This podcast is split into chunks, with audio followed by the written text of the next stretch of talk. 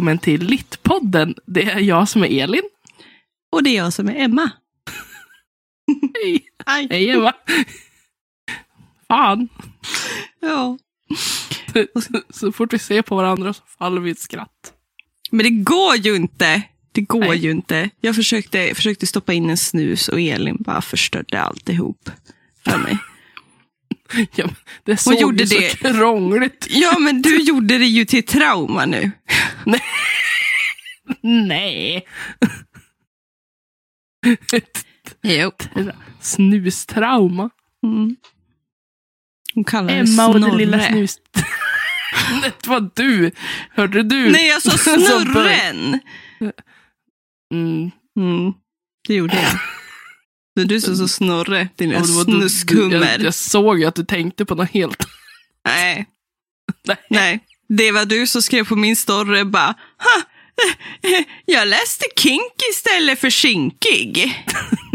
Ja, När någonsin har jag skrivit "Ah, vilken kinky lucka ja det hade istället kunnat hänt. kinkig. Skink, kinkig. Skinkig. Ja, det låter så. Fan säger man det där? 24 olika sort, sorters Undra- skinka. Du är lite kinkig. Så säger man. Ja, en kinkel, kinkig. inte skinkig, utan kinkig. Kinkig, det är därför jag skrev kinkig. Istället för kinky. Det är Ja. jättemånga som skrivit också att de läste det som kinky. Du ser ju, jag är inte ensam. Ni läser för mycket smutt. Ja, det Med är det kul. sagt så säger jag tack och hej.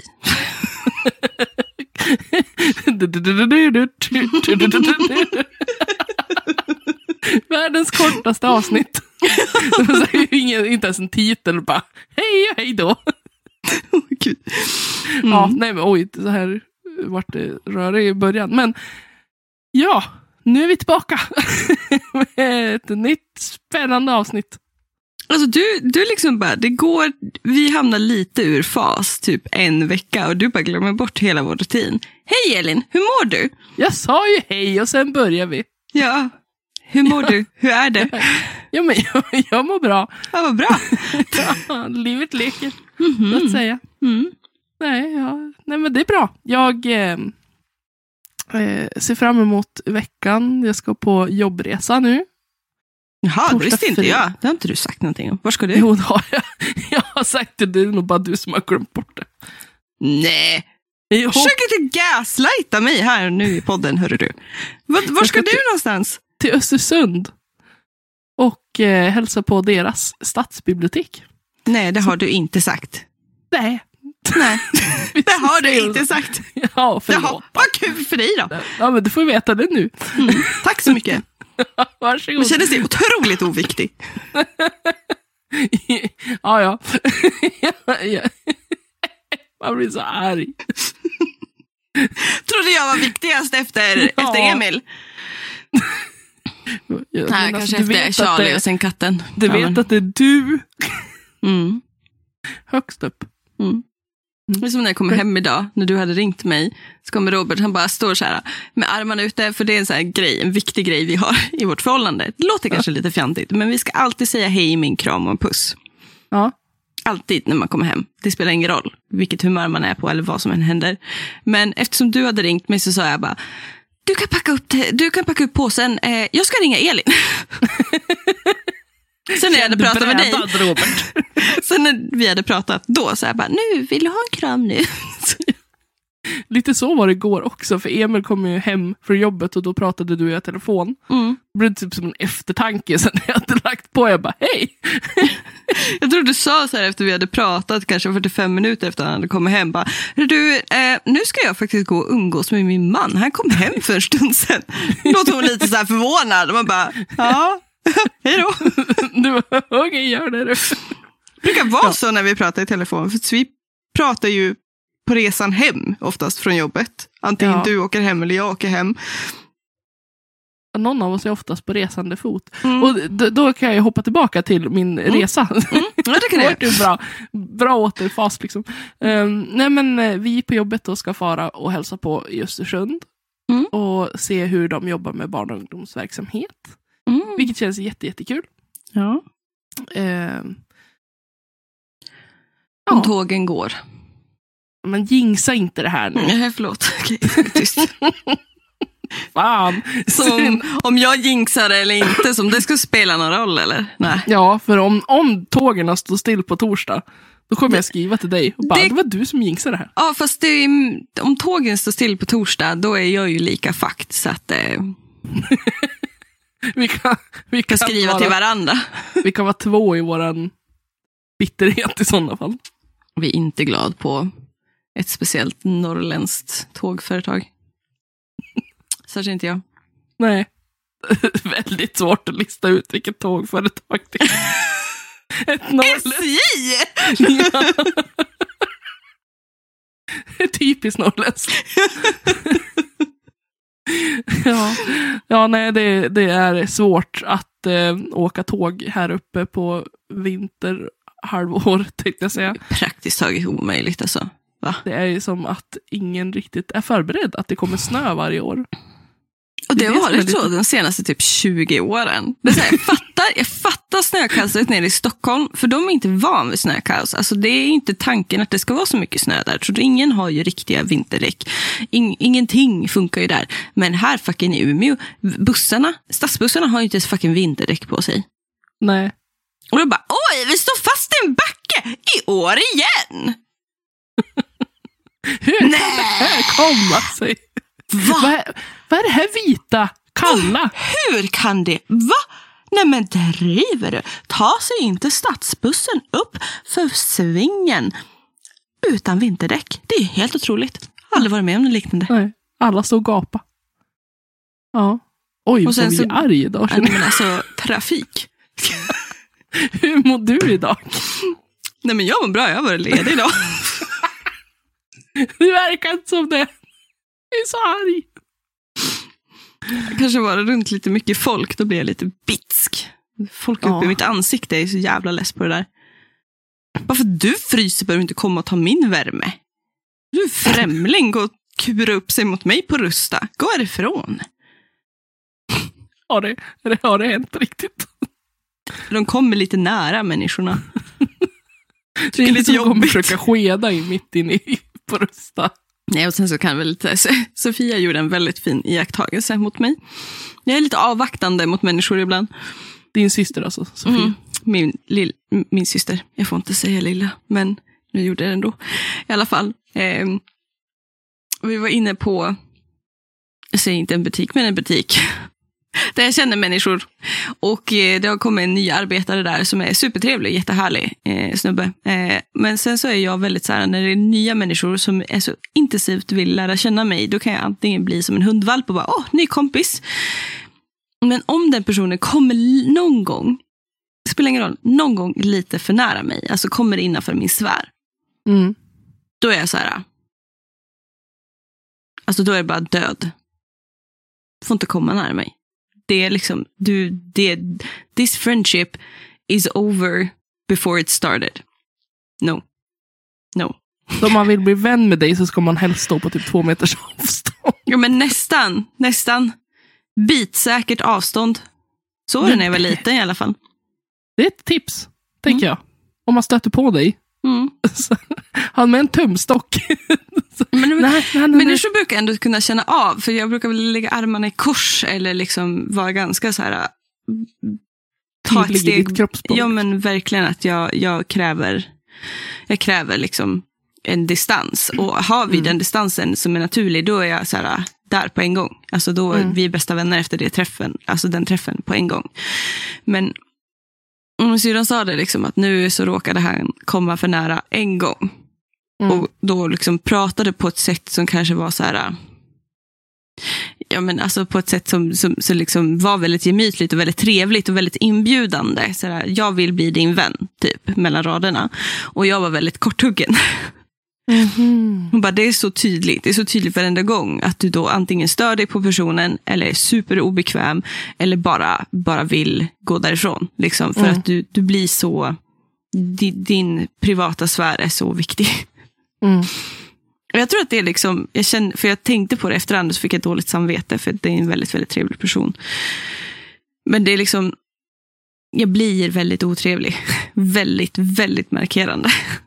Kom Mm. inte upp i mitt ansikte. Heja gärna på mig, men kom inte upp i mitt ansikte. Då kommer jag bita ifrån. Bokstavligt talat. Typ. Nej men eh, så att det, förutom att eh, människor var uppe i mitt ansikte idag så har det varit väldigt härligt. Jag har varit bara med syrran och handlat julgrejer. Härligt. Ja. Det är det jag gör på mina lediga dagar. Det blir, så, det blir så konstigt när man jobbar i en butik. Att det blir så här, äh, man blir ledig mitt i veckan och så jobbar man en helg. Mm. Alla andra jobbar ju liksom mitt i veckan eller pluggar och så är man själv här bara, jaha, ja det är lördag för mig nu. Um, Okej, typ. Ja, det är lite svårt att typ hitta en, en, en fungerande typ vardag, tycker jag, Mm. när man jobbar så. Mm. Speciellt när man vill vara social.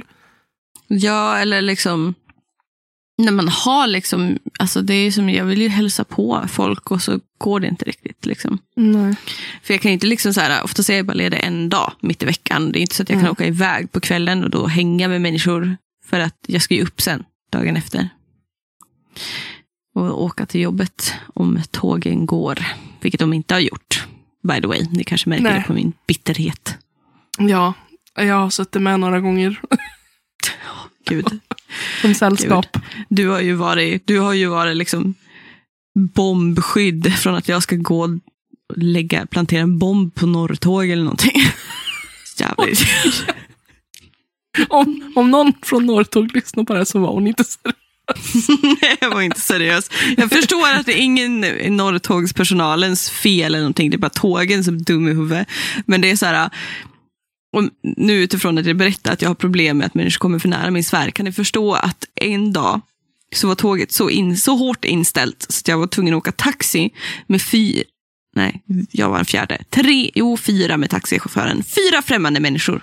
En bil. Ja, det är inte I typ kul. 40 minuter. Jag satt Ja. inklämd mellan en tant som luktade sprit och en gubbe som var supernervös och manspredda som en jävla... Någon massa saker. Jag gillar ändå att du liksom så höll tillbaka där. Det var, det var så jätteelaka ord som ville komma ut ur min mun och det kändes inte jättetrevligt.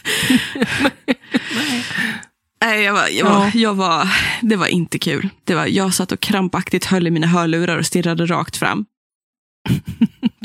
i 40 minuter.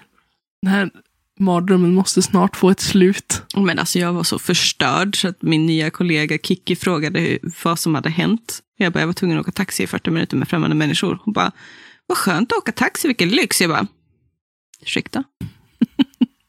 Jag hade hellre cyklat. Jag hade hellre suttit på ett busstak. Men gud ja. Hade slängt mig efter en lastbil och glidit hela vägen till Övik istället. Nej, nej, nej, nej. Sitta i en taxi, lyx. Käften. Usch. Men, Men, ska, vi lämna den här bitterheten kanske? Eh, Den- Den liksom bygger inte upp den här stämningen vi vill ha i det här avsnittet. ja, ska vi en stämning nu också? Jaha, ja. Ja, jag tänkte... Ta mig som jag är. Försök inte förändra mig, Elin. Nej, Okej, vi ska pra- prata om superdeppiga böcker. Vi, eh, det har hänt någonting ovanligt i år. För min del i alla fall. Ja. Mhm. The Grinch in me is dead.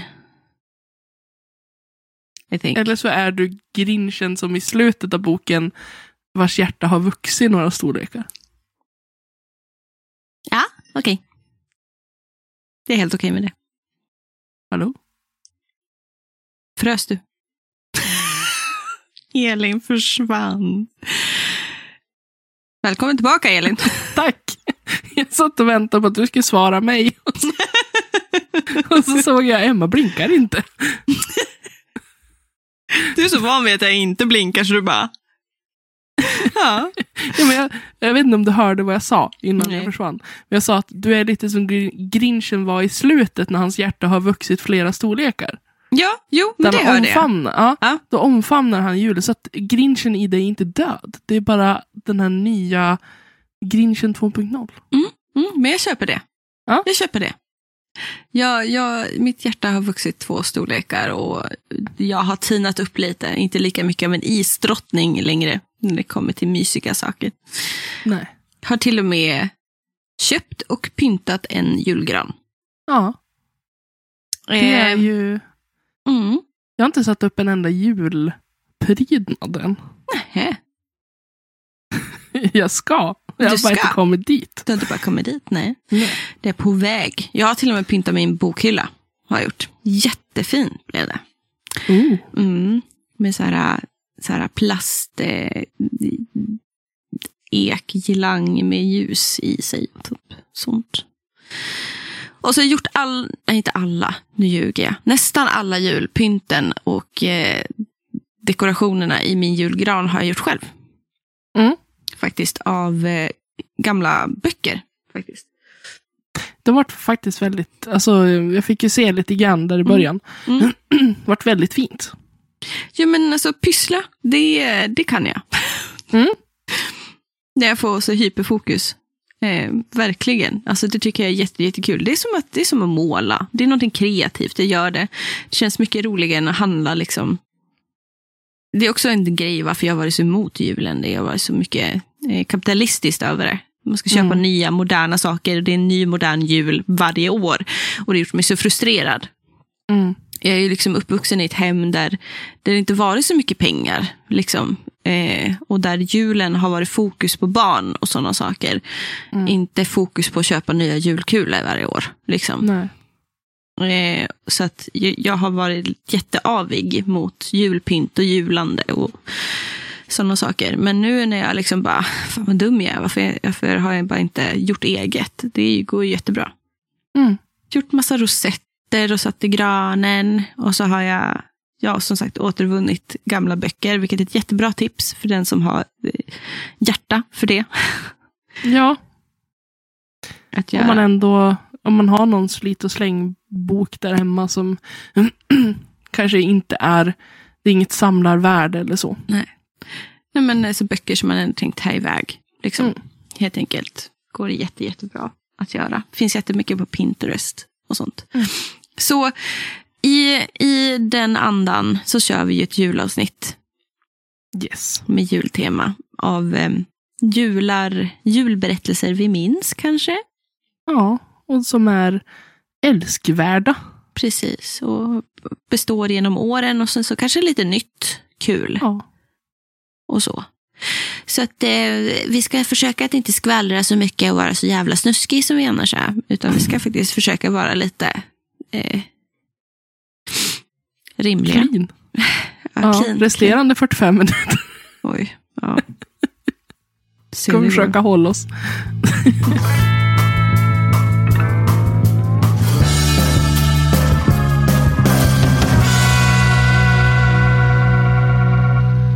Fråga Elin. Eh, Mm.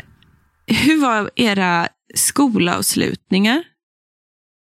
Alltså julavslutningar. Brukade typ så här, rektorn komma och läsa någonting för er då? Eller är det typ så här, under Lucia kanske? Eller?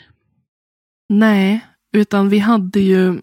ehm, ja, Lucia ligger ju egentligen ganska långt ifrån julavslutning. Jo, jo. Ehm, om vi hade, jag gick en ganska liten grundskola. Vi var typ 50 elever uppdelade på årskurs 1 till 6. Mm. Och ehm, då hade vi ju lite Lucia-firande och då läste vi ju upp ehm, olika dikter och sådär. Mm. Mm. Men sen kring julavslutningen så hade vi ofta pysselstationer där vi gjorde eget julpyssel. Mm. Och det gick man från station till station där på sista dagen. Mm. Och gjorde allt julpyssel. Man, ja, men smällkarameller och Mm. flätade korgar och massa sådana saker. Mm. Och så brukade våran lärare avsluta med att läsa ha, högläsning. Men det behövde inte Mm. vara en, typ någon, någon julrelaterad bok. Det kunde vara Mm. typ Harry Potter, minns jag. Ja, Eh, hon läste någon jul. ja. Det var liksom den läsningen som hon redan hade igång. Och så, tänd, och så släckte vi ner i hela klassrummet och så hade vi olika... Vi hade tagit med oss egna ljuslyktor som vi tände varje dag under december. Mm.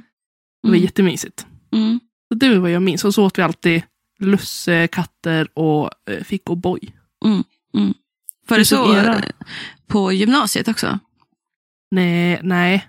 Eh, oj, på gymnasiet. Vad gjorde vi då? det vet jag inte. Eh, det var nog också typ julfika, lite pepparkakor och sånt där. Mm, mm. Ehm, men inte, det var absolut inte lika Nej, omfattande. nej. Så. Jag kommer också ihåg så här, grundskolan på det sättet att vi typ eh, pysslade till våra bänkar väldigt mycket. Och sen så Mm. hade vi ibland, jag har ett svagt minne om att vissa av oss kanske läs, hade liksom egen läsning varje morgon. Ehm, vi satt också och läste de här eh, När första ljuset är tänt, där, där, där, Ja. typ de dikterna. Eh, och ibland högläsning eh, var det. Eh, vi var en väldigt, väldigt liten klass. Vi var kanske sex stycken, om ens det. Ehm, och sen så, när jag kom på högstadiet, så har jag knappt något minne av julmys. Inte jag Vi heller. var, alltså våran... Ah, jag vet inte, jag kommer liksom inte ihåg så mycket. Men gymnasiet kommer jag ihåg väldigt tydligt. Det är inte så länge sedan om man säger så. Um, säger 30-åriga Emma. Men eh, det jag kommer ihåg som mest, eh, som jag verkligen to this day älskade med min gymnasieskola var att jag själv gick en estetisk linje. Så väldigt mycket, vi, vi körde ju Lucia-tåg till exempel. Mm. Eh, och hade så julkonsert. Och det var väl alltid kul, liksom sådana saker. Men det jag kommer ihåg är rektorn. Eh, som alltid läste Tomten av Viktor Rydberg. Ja, varje år. Han tog på sig en julluva, tomteluva och så läste han den dikten varje år. Sen kan man tycka vad man vill om den rektorn, alltså annars. Men jag uppskattade det jättemycket. Och det är en så här, det är en så här barnbok eller dikt som jag aldrig kommer glömma, tror jag. Nej. Och jag har haft nu både klasslärare och så här random som har kommit in och frågat efter den. För den är ju nytryckning, så den, den har ju inte getts ut igen nu. Nej. Det kommer ju med nytt omslag och sådana saker. Och jag var lite så här, ah, den vill jag ha hem nu, men då har ju den inte riktigt gått att få tag på och så vidare och så vidare. Eh, Men så gick jag in på en av ljudboksapparna som jag har och där finns den ju att läsa och lyssna på. Eh, av en jättebra uppläsare tyckte jag ändå. Ehm, och jag vet inte, det, Tomten har väl blivit en sån där klassiker som de flesta kanske vet typ första, inte första, men det är det här, eh, ah, eh, det är en fras i den här boken. Mm. Alla sova. Ja, endast tomten är vaken. Alltså, Jag tror det är alla sova i ängslig gård. Månen Mhm. sänker sitt tysta barn, snön lyser vit på furugran, snön lyser vit på taken, endast tomten är vaken. Mm. Det är sista frasen eh, i hela, på hela dikten, tror jag. Jag tycker också att den är jätte, jättemysig. Alltså det är en jättefin dikt. Jätte, jätte, jättefin dikt. Ehm, och alltså det, är en, det är en sån här äh, dikt som jag har liksom återkommit i vuxen ålder. Det var några år där jag inte kom ihåg att jag hade hört den någon gång. Ehm, och sen så för några år sedan så var det någon som nämnde den på, på, un, under, liksom på universitetstiden. Och liksom jag letade upp den liksom och bara, men här känner jag igen. Men gud. Mm. Och sen har jag återkommit till den självmant varje år. Att, och läst den minst en gång för mig själv. Mm. Väldigt kort dikt. Väldigt, väldigt kort dikt. Ehm, och jag känner att jag hamnar i den här lilla julstämningen som jag annars kanske saknat. Ehm, och särskilt i år kände jag det. För att det kom jävligt mycket snö här för någon vecka sedan. Det Oj, jag rapade micken som vanligt. Eh, det är liksom gnistrande vit, massivt med snö. Så, där, så att det verkligen är liksom så ombonat ute nu på ett sätt som det inte varit på flera år i början av december. Mm. Vi har haft liksom gröna jular. För typ fem år sedan var det typ grönt på julafton. Ja. Och nu så liksom är det verkligen det här äh, riktiga midvinters vitt. Och det är knastrande snö, det är kalla dagar, det är ljusa dagar. Istället för så här mörka dagar som det blir lätt när det kanske inte är så mycket snö. Jag tänker att det där också fångar ju också känslan lite grann i de här äldre julberättelserna. mhm, För där är det ju väldigt mycket fokus på ett vinterland. mm, På det här magiska mm. snölandskapet. Liksom, Oh, oh, där eh, barnen oh, åker släde och det är... en, en av mina Mm, bekanta eh, skrev det på sin Instagram. Att hon bara, det här, nu är det en Muminjul. Eller Mumin... Mm, Muminvinter. För Mm. att när, när det är liksom så klart överallt och det är så vitt och orört och ser man liksom hur skuggorna faller på ett speciellt sätt som Tove Jansson illustrerade sina mm, vinterböcker om Mumin. Mm.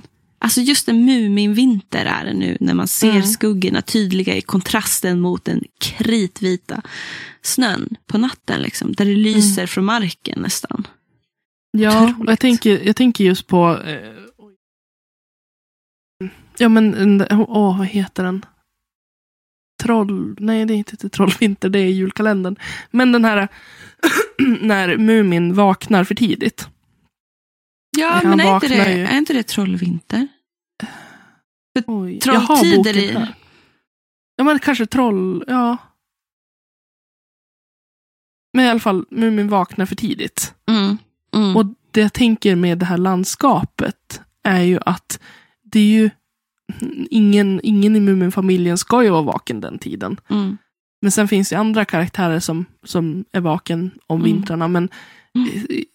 det är ju ganska stora delar av Mumindalen som är orört. Mm. För att det inte brukar vara någon vaken. Nej, alla går i det i Mumindalen. Ja, sen att som sagt det är ju några få som inte går i det. Mm. eh, Som Mumin träffar på. Mm. Jag Men tycker att, mm, Det är så fint. Jag undrar liksom hur Tove Jansson... För att så börjar ju hela liksom den här mid, alltså tomtedikten också. Den börjar ju som den slutar, ser jag ju nu. Midvinternattens köld är hård, stjärnorna gnistra och glimma. Alla sova i enslig gård, djupt under midnattstimma. Månen vandrar sin tysta ban. Snön lyser vit på fur och gran. Snön lyser vit på taken. Endast tomten är vaken. Mm. Och liksom, det är ju, blir ju samma stämning när Mumin vaknar och det är mörkt och det är kallt och det är tyst. mm, Men han märker av sen, liksom, det är lite skrämmande först. Och sen så är det liksom, märker han av att nu, det är inte bara jag som är vaken, utan jag ser att det finns ett liv även om andra sover. Liksom. mm. Jag tänker också att det blir så tydligt den här kommersiella tomten. Mm. Mot för den här tomten som har funnits i olika slags kulturer. Mm. Mm. Eh, jag tänker mycket på den här amerikanska tomten som, Coca-Cola-tomten. ja men typ lite Coca-Cola-tomten. Ja. Att, ja men tomtens verkstad, det är nissar överallt. Mm. Så den tomten är ju aldrig ensam. Han har ju sina renar Mm. och alltid sällskap. Men Mm. den här tomten är ju ensam. Mm. Lite, alltså det är ju gårdstomten. Och det där Mm. är så intressant också, för liksom, det är ju min referens till tomten. För som, jag vet inte hur det var för eh, de andra som har vuxit upp inlandet eller söderöver kanske. Men där jag har vuxit upp i liksom Ådalen, Ångermanland, där folksagor och folkmystiken är väldigt, väldigt befäst, om man säger så. Mm. Mm. Så har ju alltid den ensamma tomten varit den stora grejen. Jag kommer ihåg liksom pappa komma pulsande i sina tomtekläder och inte i de röda. Det var, liksom, det var, det var senare, liksom, när vi var lite äldre, som han hade den röda dräkten på sig. Men från början hade han ju liksom en riktig så här, päls, Ja. eh, pälskappa på sig och liksom såg, var ju ful. Ful tomte, verkligen. Alltså inte liksom med gnistrande vitt skägg, utan med Nej. grått, gråspräckligt skägg. Och Ja. vi pratade väldigt ofta, farmor kunde säga ibland att det är gårdstomten som har vuxit på sig för att liksom lämna julklappar. Eller vi firade mycket jul på Näset, då, Tarajonäs som ligger i- Junsele och det ligger som två mil utanför Junsele rakt in i skogen. Alltså det, är- det är långt. Du vill inte köra av vägen där om man säger så. Och det är mörk, mörk skog runt omkring. Det, det är liksom det, det bara bubblar av folk folkväsen och folksager i den trakten. Mm. Och att då ha en sån tomte stämmer ju mycket, mycket bättre än att ha en tomte med, vi, med röda och vita kläder. Liksom. Ja, men så där var det för oss också. Att Mm. här var det, eh, vi har en gammal vargskinnspäls. Mm. Som eh, de vuxna brukade ha. Och det var ju också det här gråspräckliga skägget. Alltså den här Mm. vargskinnspälsen har funnits i typ generationer. Mm. Eh, så det är ingen som har skjutit en varg nu. Mm. Men just det här att den, det är inte heller den här röda dräkten. Nej. För mig är inte det tomten på samma sätt. Nej. Jag vill också ha det här mystiska väsenliknande helst. Mm. Han kommer med en lykta liksom. Den här gamla mannen. Ja, Ja. lite vet Saltkråkan-tomten. Men vad Eh, hade inte de julbocken? nej, nej, alltså salt i, i, eh, fil, alltså i serien.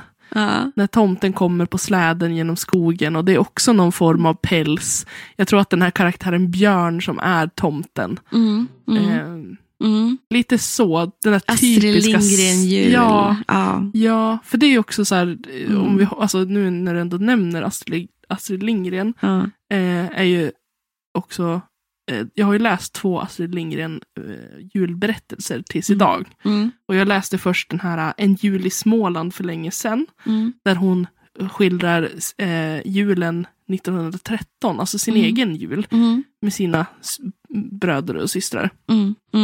Och jag tycker att det där är så intressant hur traditioner, vissa traditioner är ju så, de är, finns ju kvar. Samtidigt som andra traditioner har försvunnit. Mm. Men just hur viktigt det är med traditioner. Ja, och hur viktigt det är för berättandet. För jag tänker på, apropå det med Astrid Lindgrens jul, liksom en riktig sån jul och en jul i Småland. Tänker på den här boken som kom som heter Selma Lagerlöfs jul. Och hur i förordet där, författaren av förordet be- benämner Selma Lagerlöfs berättelser som legender. Ja. Att det blir liksom den här tomten som vi pratar om. Tomten i Rydbergs dikt och tomten som Astrid Lindgren berättar om. Och Ja.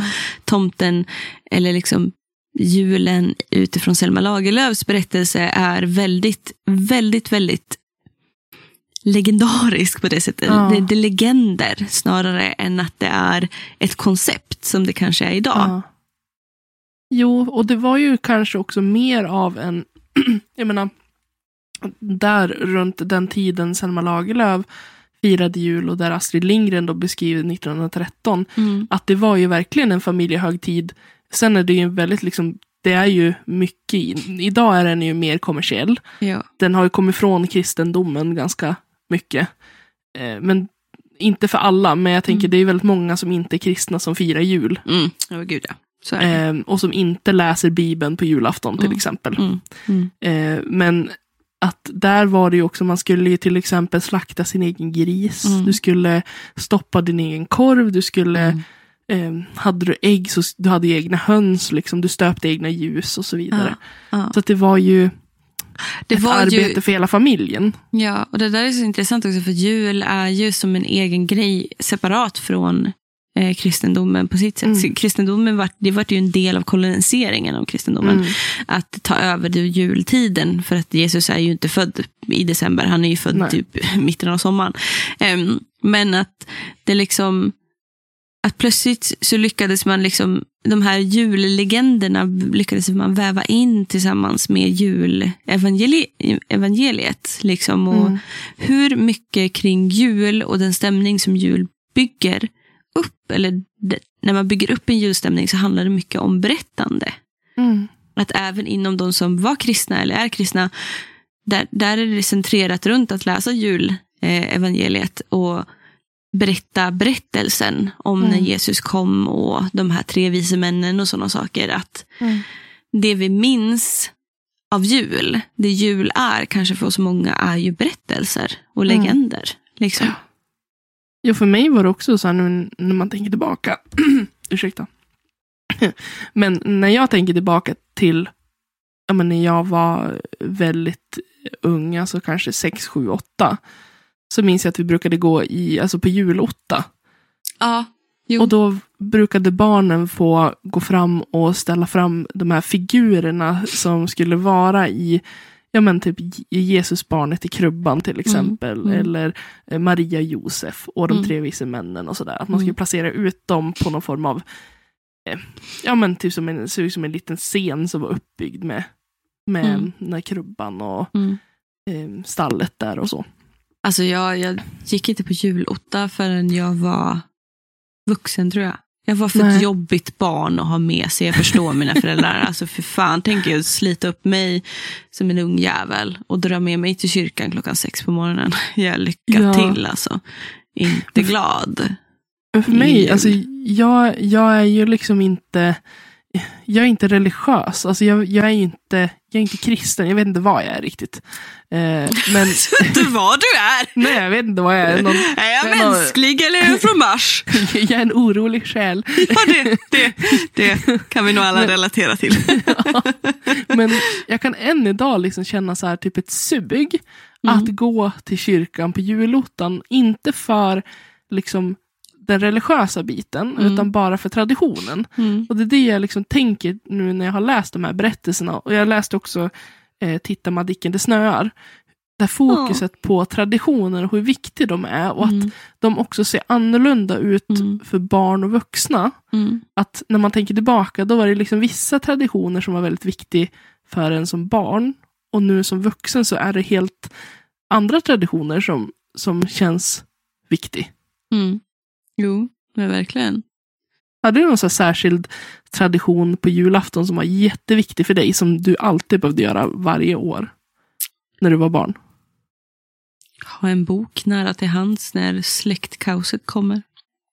Men det var ingen så här, det, det var ju kanske någonting du gjorde liksom, oavsett om det var jul eller inte. Men jag tänkte, var det någonting som du liksom behövde göra just på julafton som var så här, Alltså vi läste ju julevangeliet ofta. Mm. Det gör vi väl fortfarande. Liksom, eftersom jag är uppvuxen i en kristen familj. Och det Mm. uppskattar jag jättemycket. Jag ska lyssna på när, när mamma eller någon annan från familjen läser det. Ehm, Mm. Men ehm, jag ska inte säga att det är liksom personligt viktigt för mig. Nej. Um, Kalle Anka, nej. Jag såg inte så mycket på Kalle Anka. Jag hade inte fokus för det tror jag.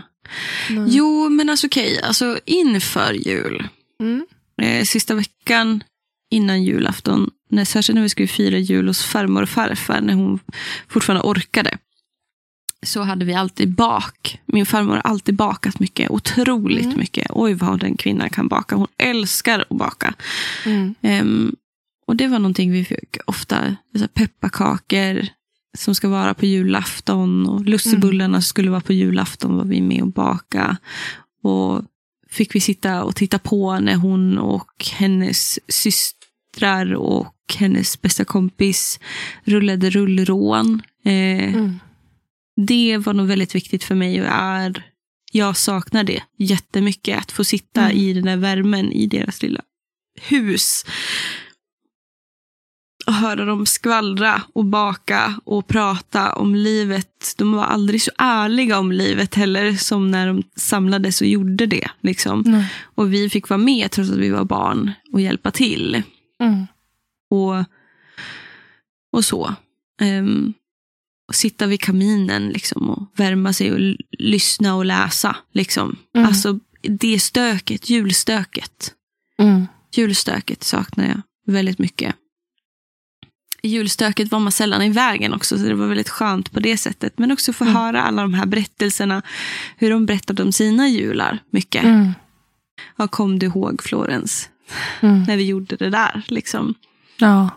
Ehm, så. Ja, Men jag, kan, jag kan känna igen mig i det där. Just framförallt den här vikten av att vara tillsammans. För det kände jag också väldigt starkt som barn, men även nu också.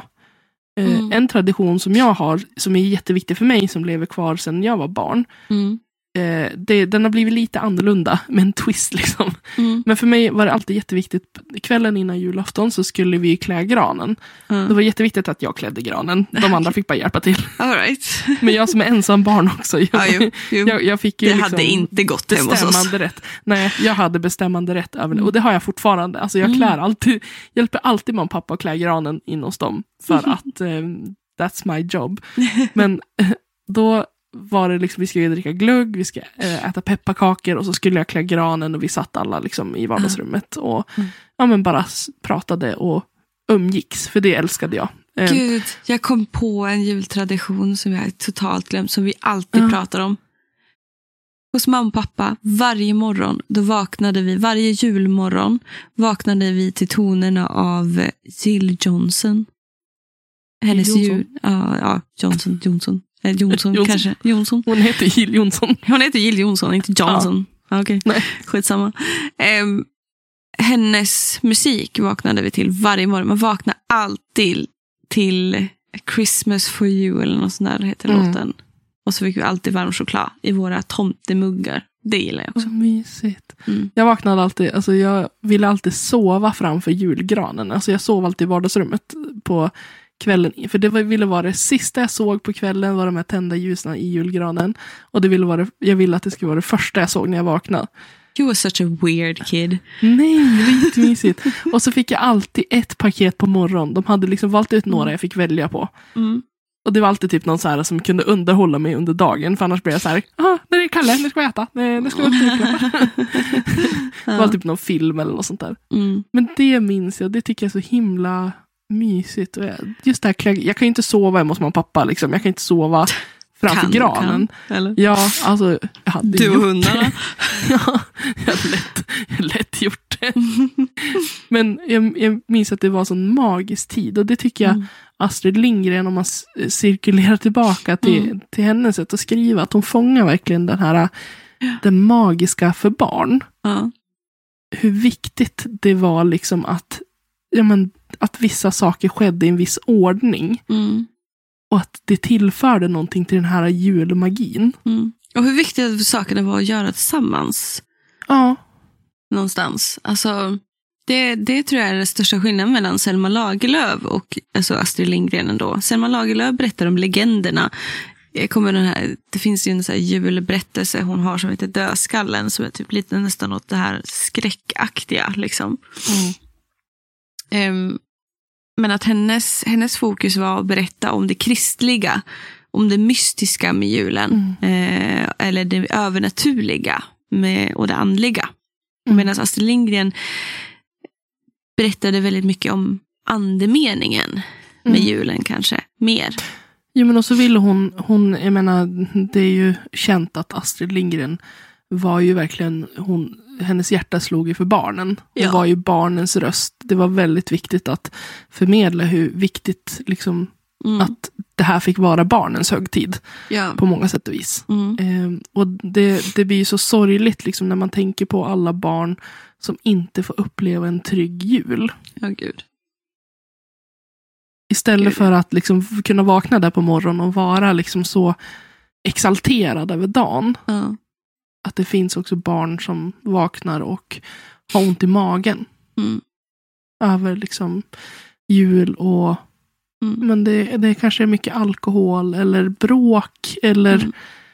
stress. Jag menar, julen är ju också en av de stressigaste högtiderna. Mm. Mm. Det vill, ligger väldigt mycket press på Mm. människor. Att du ska ha en viss ekonomi för att kunna köpa vissa julklappar. Du ska kunna ha fullt i kylskåpet. Det, du ska Mm. ha julstädat. Det ska vara liksom putsade fönster. Och Mm. Det är ju en otroligt stressig högtid. Ja, jag tänker väldigt mycket på det liksom många gånger eftersom jag har haft, eh, alltså jag har ju vuxit upp med väldigt, väldigt, väldigt vita eh, jular. Alltså Mm. ingen alkohol, inte ens lätt eh, julöl har funnits. Och Nej. jag har varit så tacksam för det. Verkligen, Mm. för att det, det liksom alkohol gör ju, förstör ju mycket. Min mamma berättar liksom många gånger Mm. hur det har varit liksom, ehm, för dem. Och hur viktigt det har varit för mamma och pappa att det här är våran högtid på många sätt och vis. Mm. Men, men jag håller med dig om att det är också det är mer än bara alkoholen. Det är liksom, tänker på alla de här familjerna med så jävla mycket drama. Mamma och pappa har Mm. separerat och nu ska de ha lilla julafton. Och de kan inte ens fira jul tillsammans. Liksom. Nej. Det, och det, nu är det ju också typ sommarsemestrar är ju också en sån där Mm. en, en tid på året där väldigt många par går isär. Mm. Men jag tänker jul är också en sån där högtid som kan tvinga isär Mm. familjer. Mm. För att det, det är liksom, man, man är ledig och man går varandra på nerverna. För att det ligger så mycket press Mm. över en. Mm. Att man till slut inte kan kommunicera det. Mm. Att liksom man skjuter undan sina behov för någon form av bild. Mm. En skev bild av hur samhället tycker att det ska vara. Jag tror att det är därför jag älskar Emil-berättelsen eh, väldigt Ja. mycket. När, han, när, när liksom hel, hela slutar med att vän som fiende förs samman. Mm. Och de har kalas i liksom Fattigboa. Tab- Eh, tabberaset. tabberaset, ja, i, i Fattigboa. Ja. Och det är liksom hur det börjar med det där med, med att det blir en disconnect, en separation, Mm. någon stjäl mat. Vad hette hon, den fula kärringen som ramlar Ja, ner en... kommandoran. Kommandoran ramlar ner i varggropen. Hon var varulv. Fair enough. Ehm, och hur det liksom inte blir liksom, där liksom Emil som barn ser någonting annat än vad de vuxna kanske hade sett. Mm. Liksom. Där han bara, nej men självklart ska vi, vi ska, Skänka vår mat. ja, men självklart ska vi komma närmare varandra. Mm. Inte, Jo, för- inte separera. Liksom. Nej, för jag tror att Ida liksom lägger en kommentar där att för de bjuder ju alla de här fattigjonerna på eh, Mm. all julmat som de har Mm. hemma. Mm, Och hon säger, men det här ska ju vara till släkten som kommer från eh, någonstans ifrån, eh, långväga liksom, Mm. skulle ju komma och hälsa på. Och Emil Ja. sa, tyckte inte att det spelade någon roll, för att de hade ju liksom gott att äta i alla fall. mm, Utan nu var det viktigt att ge till dem som inte hade någonting. ja. och, hur, Och det är ju väldigt fint. och hur de liksom var med dem liksom, i det. Ja. Och det är så hjärtskärande, för Emil är ju en sån där karaktär som jag... Alltså jag kan, jag kan tycka så synd om den karaktären, för att han vill ju göra så mycket gott och han Ja. får så mycket skit. Jag vet. Jag vet. ADHD-ungen. Ja, och som, som det är liksom väldigt impulsiv Mm. och som inte har ett konsekvenstänk, men som gärna vill göra gott. Liksom. Mm. Mm. Det, det är en sån fin tanke och jag ty- Mm. tycker att Astrid Lindgren har fångat det där, Mm. det där oskyldiga med barn som är så fint. Ja. Men verkligen. Och det blir liksom så här, ja men jag vet inte. Jag- tänker väldigt ofta på det där med familjer som har separerat och inte kan fira jul tillsammans för att föräldrarna inte kan stå, stå ut med varandra. Eller föräldrarna vill ha jul på sitt eget håll och de har sitt eget drama. Och så tänker jag väldigt Mm. mycket på Emil. Liksom, dess, om de kan så kan väl ni, liksom, tänker jag väldigt mycket. Men sen förstår jag att det är mer komplicerat än så. Men synd det är. Någonstans att vuxna oftast är vuxna. Man, tapp, man tappar ju kanske bort ehm, vad som är viktigt någonstans efter vägen. Många kanske gör det, inte alla, men att man glömmer bort vad som betyder någonting egentligen. Mm. Är det att få köpa den här jättesvindyra tröjan som du egentligen inte har råd med? Eller är det Mm. liksom att få vara tillsammans och att visa sin kärlek och uppskattning till varandra? Ja. ja, men exakt. Sen ska inte jag säga någonting. Alltså jag och Robert har ju inte en outtalad eh, grej varje, varje jul där vi försöker bräcka varandra med julklapparna vi ger varandra. Så att, eh, Jag tycker det är så fint, för Emil, min man, då, han, han tycker att den bästa julklapp han någonsin har fått, det var när jag gav han en elfilt. Han är alltid så frusen. mm, Och- Så det är inte en jättesvindyr liksom, julklapp, utan det är, så här, det är tanken. ja, Tanken som räknas. Cared for you. Ja, Ja, exakt. Jag tänker på din, jag tänker på din köld, alltså din kyla. Mm. Din kropps, din kroppstemperatur. Med tanke på att Robert typ är gift med en jävla isdrottning till fru, liksom, så borde han väl ha gett mig en värmefilt någon gång. Men nej. Det är kanske eh, tips, Robert. Vi får se. Han har nog säkert köpt sitt redan. Det brukar Ja. vara så. Men eh, Vi kan ju hoppa över från eh, de Ja. gamla julberättelserna till någonting mer modernt kanske. ja, precis. Och det, alltså det kom ju här för några år sedan, de här uh, adventskalendersböckerna. Ja. Inte, då tänker jag inte på Pixie adventskalender när man får en liten berättelse eller Novelix. De är asbra de också. Utan det är böcker. I år är det Frostaftons hemlighet skriven av Stina Nilsson och Ludvig Sandbacka. Eh, och det är väldigt i, i, i tid, eller i synk med att vi har Trolltider i remake som går som adventskalender på SVT. Men det är en berättelse i 24 kapitel, så man läser Mm. kapitel varje dag. Det här, den Frostaftons hemlighet som jag håller i, jag kan visa den för dig Elin, för du tycker Mm, ja. den är säkert väldigt fin. Eh, så ser den ut, den är Mm. otroligt fin. Den är väldigt fint illustrerad. Liksom Mm. väldigt fantasy, Mm. fantasyaktig. Mm. Ehm, men det är 24 kapitel i alla fall. Det här är 9 till 12 skulle jag säga. Kanske lite Mm. yngre läsare. Men Jag tycker det är ett sånt jävla bra koncept. Jag vet att det finns eh, alltså tomtarnas eh, för typ så här barn, alltså små, små barn. Men den här boken i alla fall, eh, jag har inte kommit jättelångt i den. Jag tänkte jag skulle börja läsa den första december, men sen så har det, jag inte orkat haft annat att läsa. Nej. Men ehm, det står så här på baksidan i alla fall. Kristallen hade inte vaknat än. Den bittra nattkylan låg kvar över Grottholms gator. Klädd i dubbla stickade tröjor smög sig Belly ljudlöst fram. I Grottholms mörker lever trollen. Belly bor med morfar i utkanten av grottans värme och hon är trött på att frysa och tvingas lyda de mäktiga urtrollen. En dag hittar Belly en hemlig bok och sanningen går inte längre att blunda för. Något är fel i Grottholm. Är det sant att det finns en ovanvärld, en plats där en riktig sol lyser? Belly och hennes nya vän Vätten Rup tänker ta reda på vad som finns längst upp i grottgångarna. Superspännande! Ja. Och det är inte så typiskt eh, juligt heller. Mm-mm. Nej. Utan det är, det, liksom, det, är så här, det är satt i ett vinterlandskap. Liksom. Mm, Men mm. det är inte tomten och... Nej. Men Liksom- då kommer istället de här legenderna om Ja, vättarna och trollen. För vätte är ju till exempel, kan ju till exempel vara en gårdstomte, kan ju anses vara en vätte också söderöver. Mm. Och sådana saker, även fast det är gårdstomte och vätte, det vittror och gårdstomtar här uppe. Men vättare gårdstomtar söderöver, som jag fattat Mm. det rätt. Och så tro, småtrollen då. Urtrollen, grottrollen. Alltså det jag älskar det. För mig är, för mig är vinter och decemberläsning väldigt mycket folksagoaktigt. Alltså så Mm. är det. Så är det verkligen. Eller typ så här nötknäpparens magiska värld. Det är, liksom så här, Mm. det är alltid sagor för mig den här tiden. Väldigt mycket sagor som jag jag- läser. jag gillar någonstans att, de också, att det också finns någonting som går ifrån det här traditionella eh, om jag säger, låt oss säga, ja, kristna eller svenska julen.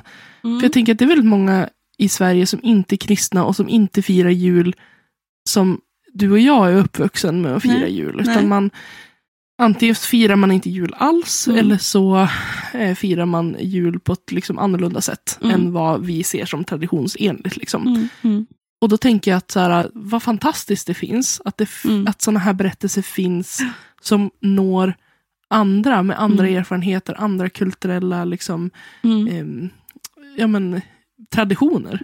Men jag kan känna det väldigt mycket eftersom jag var uppvuxen liksom med en farmor som både blev döpt och jorddragen. Liksom att jag har både det folksagliga i mig väldigt, väldigt starkt i liksom min släkthistoria. Alltså där, där liksom vättar, vittror och väsen och näcken och mylingar. Allt, alla de där folksagorna och folkväsena som finns har varit väldigt, väldigt i mitt DNA. Och lika mycket som det kristna. Mm. Liksom. Och där att jag får liksom reconnecta. Att jag har kvar det kristliga, kristliga liksom i mitt julfirande. De kristna berättelserna, julevangeliet etc. Liksom, och gå till kyrkan och sådana saker. Men jag får också även eh, folkberättelserna. Den andra Mm. delen i mig. Som liksom den folktron. Liksom, för att det är ju en del av julen för mig också. Det var ju väldigt mycket jul. Jul med y, liksom Mm. också när jag växte upp. Och sådana berättelser berättades i liksom farmors kök. Mm. Och att då få liksom en adventskalender, en bok att läsa liksom som kopplar mer till det folktron i mig. Mm. Än bara det, den kristna erfarenheten. Liksom. Det, det är väldigt fint. Och även fast det är 9 till 12 så tror jag att det är även de som är vuxna liksom uppskattar det här väldigt, väldigt mycket. Sen Jo, så har jag också säkert- tagit in på jobbet en, en bok som heter The Hunting Season och den, den är ju också den är ju för vuxna kanske mer. Så här, Mm. Små berättelser att läsa. typ. Men jag tänker att det finns ju väldigt många adventsböcker. Mm. Vi har, vi har en hel del på biblioteket som vi har ställt ut nu också. De är populära. Mm. Det lånas väldigt mycket av dem. Mm. Och de är ju tänkt att vuxna ska läsa tillsammans med barn. Att det ska vara som en grej man gör tillsammans. Mm. Och jag tycker att det, det är en sån fin tanke att eh, för det är ju väldigt många familjer som tittar på adventskalendern på tv till exempel. Mm. Mm. Men att det här blir ett väldigt läsfrämjarvänligt alternativ. Mm. Att det är ofta korta kapitlar eh, Ja. och det är spännande berättelser Mm. Mm. som fångar upp. Mm. Jag har också hittat en sån här, jag har inte heller lyssnat så jättemycket. Eller jag har inte kommit så långt i berättelsen. Men jag tänker följa den i alla fall nu i jul. Mm. Och det är, eh, det är en saga som är skriven av Mats Strandberg och illustrerad av Sofia Falkenhem. Mm. Och den heter Den helt sanna julsagan om kentauren som ville hem. Mm. Och det handlar helt enkelt om en kentaur Mm. som heter Ken Tower. jag älskar The Pans. Eh, Alltså, Men underbart. berättelsen är så himla ledsam där i början för att den här kentauren blev kidnappad från sin familj eh, Mm. på Nordpolen. Mm. Det var en ond clown som eh, fångade honom helt enkelt och satte honom i cirkus där han tvingades uppträda flera år. Mm. Tills han blev fritagen av ett gäng andra djur tror jag. Mm. Och efter det så ville då Ken Tower, han ville ju komma hem till sin familj, för de vet ju inte om han lever eller är död. Han har en syster Mm. som han inte har träffat sedan hon var ett föl. Ehm, Mm. Mm. Så man ska få följa med på den här resan då, där han ska försöka ta sig tillbaka till Nordpolen. Mm. Och jag blir nästan så rörd där liksom när han beskriver, jag är så ensam, just den här ensamheten Mm. och längtan efter att återförenas med sin familj. Mm. Mm. Jag blir så rörd av, för det här är ju liksom det här är ju som ett barn. Det är Mm. inte en vuxen kentaur utan det är en, ett barn som vill hem till sina föräldrar. Mm. Jag satt, eh, vi, jag satt och lyssnade igenom första avsnittet igen i bilen. Jag bara, han vill Mm. bara hem, han togs av en ond clown. Mm. Och så här, om, den finns ju som bok, den är som sagt illustrerad, jättefin. Men om man Mm. vill lyssna på den så finns den, jag vet inte på vilka ljudboksappar, men den finns i alla fall inläst av eh, Mats eh, man, Johan En. Ja, han är så himla bra. Ja, Jag älskar Johan han- igen. Ja, och så är det liksom lite så här typ julmusik i bak. Ja, men den är Mm. skitmysig. Mm. Det är ett hett tips och den är ju väldigt lätt. den är lätt i språket. Den är ju för, jag skulle säga, 6 till 9 år. Mm. Mm. Skulle jag säga. Att den Men, är. vad, ja, men den, finns på, den finns på Bokus Play i alla fall. Ja. Den helt sanna julsagan om kentauren som ville hem. Nu ska jag spara hem den också. Den är liksom inte så jätteavancerad i sitt språk, utan den som sagt den är enkel och den passar jättebra för familjer att lyssna på tror jag. Mm, mm. Mm. Så himla fin.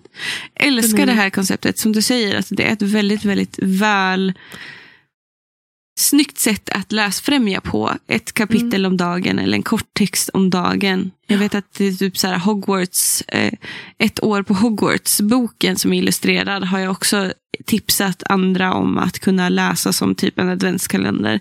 Mm. Då är det en kort, kort ett, ett block, ett liksom textblock bara, där du läser kanske varje dag. Mm. Eh, du kan läsa mer också. Eh, då är det fler dagar dock, men, men jätte, jättemysig den med. Och så får man se liksom lite fina illustrationer. Att det är liksom ett bra sätt att liksom ha, sätta upp ett mål för läsning, typ, till Mm. exempel. Och jag, jag vet inte, det är någonting speciellt att få läsa på vintern, i december. Läsningen är...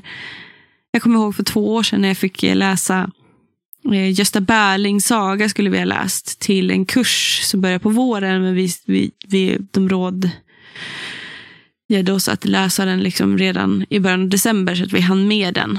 Inte Mm. bara stressade oss igenom den. Och det var också så här otroligt mysigt att sitta och läsa Gösta Berlings saga under jultiderna. Liksom. Mm. Det cirkulerar ju väldigt mycket där omkring eh, Mm. jultiden. I den. Det är en Selma Lagerlöf bok. Och jag vet inte, det, det är någonting. det är någonting att få kliva in i de här berättelserna om andra människors syn på jul och jultraditioner och berättelser som knyts an till liksom juletider och sådana saker. Det är en tid där liksom slöjan mellan berättelse och verklighet är väldigt, väldigt tunn för många för att det är så mörkt hela tiden. Mm. Vi är väldigt mycket på vår kammare, vi vill gärna mysa ner oss men det är så mycket mörker ute så vi ser inte riktigt i utkanten vad som händer och låter fantasin liksom flöda ganska fritt. Mm. Och att då få läsa liksom, Tomten eller läsa andra julsagor fyller, hjälper fantasin att kanske klistra sig fast på positiva, mysiga saker än Mm. att bara hamna i de här jävla vinterdepressionerna som man hamnar i alltid. Ja. Och jag tänker just de här adventsböckerna är ju också ett superbra verktyg för lärare Mm. Ja, i oh klassrummet att ta till. Mm. Eh, om man vill få in mer läsning i, Mm. eh, för eleverna. Mm. Att det är ofta som sagt det är korta kapitel. Eh, det var liksom de flesta barn klarar av Mm. att lyssna på. Eh. Så det är verkligen ett hett tips. Om du sitter där som lärare och bara, jag vet inte vad jag ska läsa, men läs något sånt här. Exakt. Det är ju... Nu kanske det inte hinner hela berättelsen. Nej, men jag tänker då kanske man har tid att läsa typ eh, man kan ju inte läsa liksom dag ett, två, tre i och med att man har i helgdagar och sådär. Mm. Mm. Men att kanske fredagar kan man läsa två kapitel, på måndagar kan man läsa två kapitel så Mm. att man hinner ikapp sig Ja, innan jullovet börjar. Nej, jag tycker väldigt mycket om det också. Att det är många som, lärare kom, som är lärare som kommer in på jobbet och bara, ja, nu var biblioteket stängt. Eh, Har ni några tips på någon bra bok vi kan läsa nu inför jul och sådana saker? Mm. Det tycker jag är helt underbart. Jag älskar det. Att få Mm. gå omkring och liksom så här, ah, vad, vad kanske skulle man vilja lyssna på som barn eller ungdom inför Mm. jul? Liksom. Vad behöver man? Och de har ofta så positiva budskap. Mm. Och det, Liksom. det är superviktigt och det är ju otroligt viktigt att det här med läsning sker i klassrummet. Ja. För det finns, det finns ju liksom vårdnadshavare som läser för sina barn och som Mm. vill få sina barn att läsa. Men det finns också väldigt många vuxna som inte är Mm. en läsande förebild själv och som Ja. inte liksom försöker få in det i hemmet. Där är ju lärare otroligt Mm. viktiga. Kan bara säga det, så jag uppmuntrar alla, alla föräldrar. Det är så jävla attraktivt med föräldrar som läser för sina barn, som högläser Ja. för sina barn. Bara så att ni vet, det är jätteattraktivt. Ja, men inte Så gör annat så, så, så gör du ju liksom ditt barn ett, en jättestor tjänst. Det kan vi ju Det- man- prata om någon annan gång, men det här med Ja. habitus är ju verkligen en grej. Ju mer du läser hemma, ju mer du får det i dig hemifrån. Få höra Mm. att det är någonting positivt, Mm. jämte med att det skulle vara någonting dumt eller negativt att Mm. vara, vara en läsande familj. Så, så ger du ditt barn väldigt mycket. Att, att etablera en läsande, liksom, ett, ett läsande hemma. Liksom. Mm. Rent generellt. Det behövde vara mycket. Jag fattar ju man, man har svårt att få tid och sådana saker. Men honestly, har du som förälder tid att sitta och spela tv-spel på kvällarna, och fan kan du ha tid att sitta och läsa för ditt barn? Ja, Hitta på en att- berättelse om du inte vill läsa en text. Ja, att man kan börja på en nivå som känns lämplig för sig själv och sen kan man alltid liksom Mm. tänja på den nivån sen. Ja. Men att man kan ju alltid börja någonstans. Ja. Och då kan det ju vara bra att börja med typ en sån här kapitelbok för att det, Mm. är, det är lätt, det är inte så kravfyllt heller. Och är det svårt att komma på vad man ska läsa för sina barn eller vad man ska uppmuntra sina barn att läsa, så hallå, gå till bibliotek. Det är experter som jobbar där. Ja, Eller gå Ja, till en verkligen. bokhandel. Det är också experter som jobbar där. ja. ja men precis. Jag tänker så här, ja, men om man säger att jag har inte råd att köpa böcker, men då är bibblan ett jättebra alternativ. Jättebra. Eh, det är liksom helt gratis Mm. att få gå till bibliotek och Exakt. det är gratis med kunskap. Mm. Det, det är ju bara win-win. Ja, men exakt. Och ta er tiden och förstå vikten av det. Mm. Och jag tror att det, är liksom, det är en bra tid för att det är så etablerat i samhället att man ska läsa lite Mm. runt jul och december. Mm. Men häng på snurran då, liksom. Någonstans. Mm. Nu, nu har ni ju fått eh, väldigt mycket bra tips Mm. idag. Jag vurmar för decemberläsning. Jag med! läs om en kentaur eller läs om Astrid Lindgrens barndom eller Eller om eh, tomten som är ensam. Mm. Ja. Mm, trollen i bergen. Nej men alltså Ja. det, do it. Jag tror, jag mycket. garanterar att man mår lite bättre. Trots Ja. att det är mörkt. Det börjar bli mörkt vid två på dagen. Jag garanterar att det blir bra. Känner du dig lite gladare nu efter det här samtalet? Ja, Men jag har varit jätteglad hela tiden. Ja, vad bra. Ja, jag känner mig mycket, mycket muntrare nu. Ja. Jag tror jag bara var lite trött och lite grinig i början.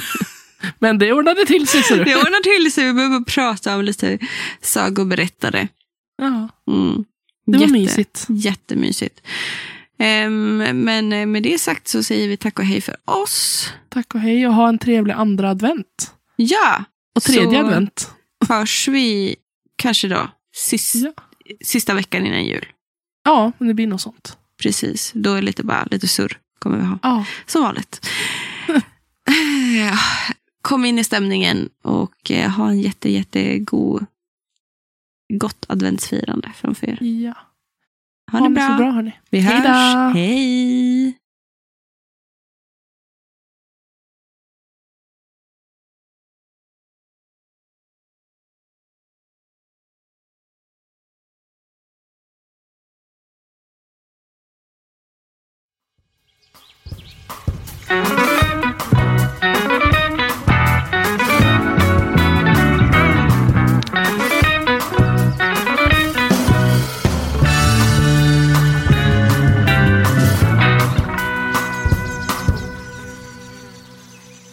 Lyssnar på Littpodden med Elin Oslin och mig, Emma Granholm.